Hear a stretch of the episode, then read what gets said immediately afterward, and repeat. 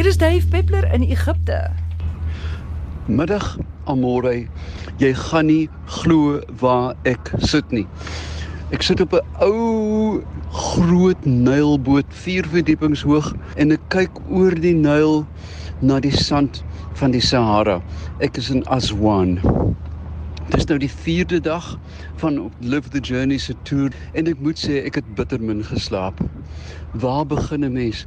Natuurlik begin jy by uh, die groot genade hier valle 'n kelner boor sy eie voete. 'n Mens begin by by Kaïro en en waar anders as die piramide. Ons het vroegoggend net na ligdag uitgery na die piramide en daar onverwags want die mense dink dit is Kaïro die stad staan hulle magtig en heelwat heelwat groter as wat mense jou ooit kon indink. Ek het vir die groep gesê ek wonder wat op aarde eh, ek moet hier onderbreek want die bloody man Jammer Amore, uh, die kelner, ek seker sy naam is Jafta, het nou oor sy eie voete geval en lê 'n blerts curry oor die dek. Evenwel, kom ons begin weer in Kaïro. Wat doen die mense in Kaïro? Jy gaan sekerlik tog nou nie wat die Duitsers noem smoek koop nie. Jy ry reguit na die piramide. En National Geographic enige DVD, enige beeld kan jou in die ewigheid nooit voorberei op die magtige teenwoordigheid van hierdie monumente nie. Dink 'n mens 2500 jaar voor Christus het mense hande stene aangery met bote en dan met die hande gesleep en in hierdie ondenkbaar pragtige monumente omskep. Net uh, die middel piramide het nog 'n klein kroontjie van die bedekking van kalksteen. Die ander is lank reeds gestroop. Maar ons het 'n geldjie betaal en toe uh die groot Cheops uh piramide betree en met 'n kronkelgang baie keer op jou knieë wurm jy jou na die diepte van die monument. Jy kom dan in 'n sentrale skag en ek het 'n foto gestuur aan môre en miskien kan jy dit deel met die luisteraars van hierdie hemelhoë gang wat in korbeelstyl gepak is om stabiliteit te gee. En dan na 'n gesweet en 'n geswoeg kom jy by die koninklike grafkelder. Nou natuurlik totaal gestroop van die skatte, maar jy sit in die hart van die piramide. Ek moet sê ek was aangedaan. Trane in die oë om te dink dat ek hierdie voorreg kan hê. Ons het toe die ander besoek om hulle gestap en bekyk uh langs die derde klein piramide. Uh, is daar klein piramide van die koninginne, maar onvergeetlike strukture.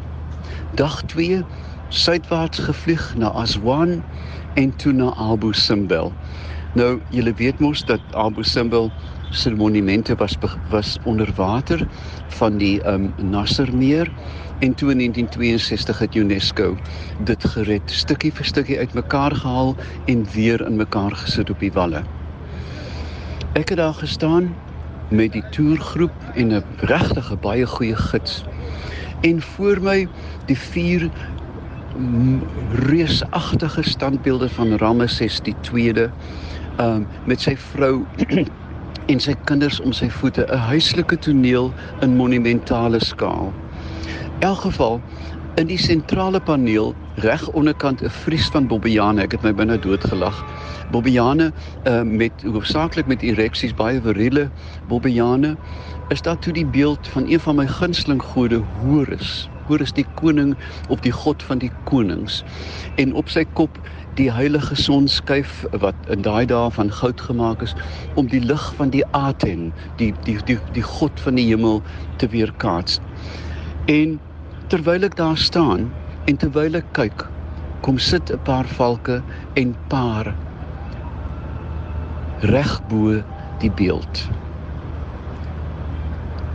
Ek ek is weer ek ek is aangedaan om dit weer te vertel want ek het daar gestaan met trane wat uit my oë uitstap om te dink dat 'n mens kom halfpad om die aarde. Jy, ek weet iets van die geskiedenis van Egipte, ek weet baie van die gode en dat dit so vasgebrand word in my verbeelding met 'n manifestering van die lewe, die lewe van 'n volk wat op hierdie dooie klippe van duisende jare oud kom sit. Ons het teruggevlieg en vandag weer in Aswan om na te gaan kyk na die tempel van Isis wat eintlik 'n moderne tempel is tot 500 jaar na Christus is daar nog aanbid.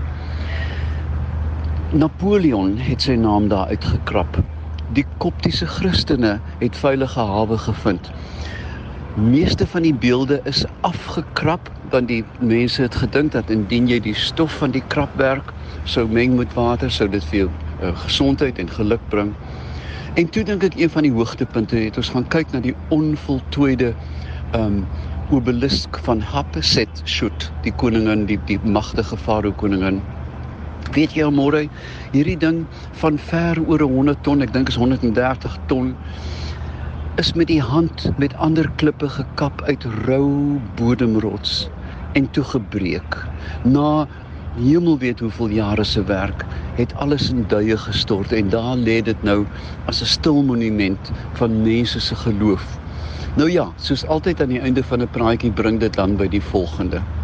Weet jy, ek het um, van 'n hoofsaaklike moslim land met omtrent 15% koptiese Christene nog niks anders as absolute oordadige vriendelikheid ontvang nie. Nou Natuurlik as jy in 'n mark instap, gaan hulle jou blind bevark, want jy is veronderstel om te kibbel oor 'n prys. Maar die die harte is groot en die harte is ruim. En en die Engelse het so mooi uitdrukking cutting you back to size. Weereens ek met my groot bek, my uh broos ego is op my plek gesit deur die goedheid van gewone mense. En dis dalk hoekom 'n mens reis om jouself te herinner aan jou eie feilbaarheid. Amore, ek moet sê dat selfs vir 'n ou man soos ek kan ek nie wag vir die volgende oomblik nie. Die boot het onder my agtersteewe begin beweeg en hier begin 'n vaart na Kaïro en einde van die toer na Alexandrië. Volgende week praat ek direk direk uit Luxor uit die vallei van die konings. En ek kan nou al vir jou sê ek gaan in die onderhoud chunk van aandoening. Ek dink aan julle lekker aand en totsiens.